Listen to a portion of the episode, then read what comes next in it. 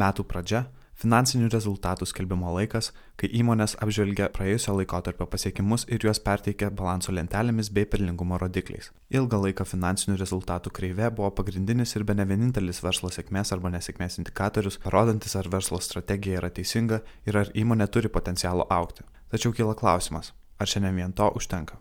Investuotojų dėmesys jau kurį laiką yra nukreiptas į įmonių tvarumo rodiklius - ESG indikatorius.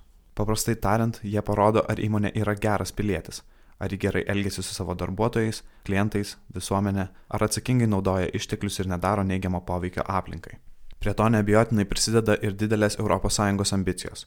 Nepaisant pandemijos iššūkių, 2020 metais bendryje skiria daugiau dėmesio žaliai transformacijai ir net padidino 2030 m. numatytą emisijų mažinimo tikslą nuo 40 procentų iki 55 procentų.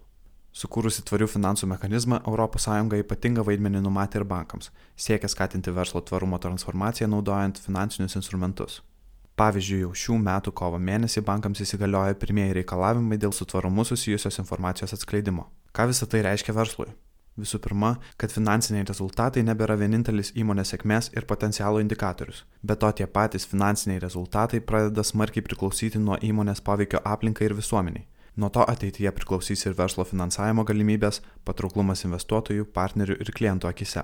Neigiamo poveikio aplinkai mažinimas taip pat turi būti verslo darbo atvarkėje. Kaip pavyzdį galima pateikti Svetbank sprendimą matuoti tiesioginės CO2 emisijas. Tai bankui leido 2020 metais tiesioginės CO2 emisijas sumažinti 40 procentų, o iki 2030 metų bus siekiama sumažinti jas 60 procentų. Be to jau dabar visos banko tiesioginės emisijos yra 100 procentų kompensuojamos.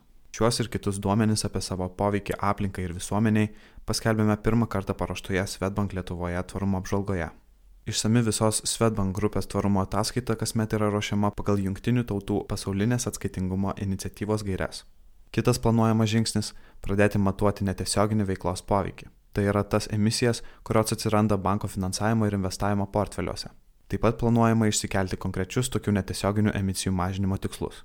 Tai reiškia, kad vis dažniau su banko klientais ir partneriais bus kalbama apie jų veiklos ir verslo tvarumą ir poveikia aplinkai, o ateityje tvarumas taps svarbiu veiksniu priimant finansavimo ir investavimo sprendimus.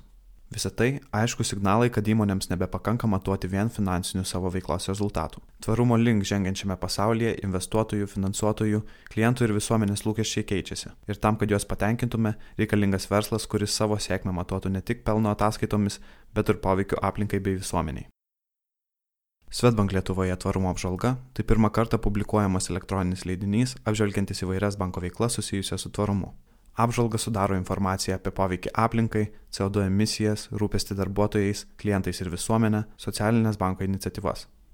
Apžvalgą galite rasti adresu blog.svetbank.lt.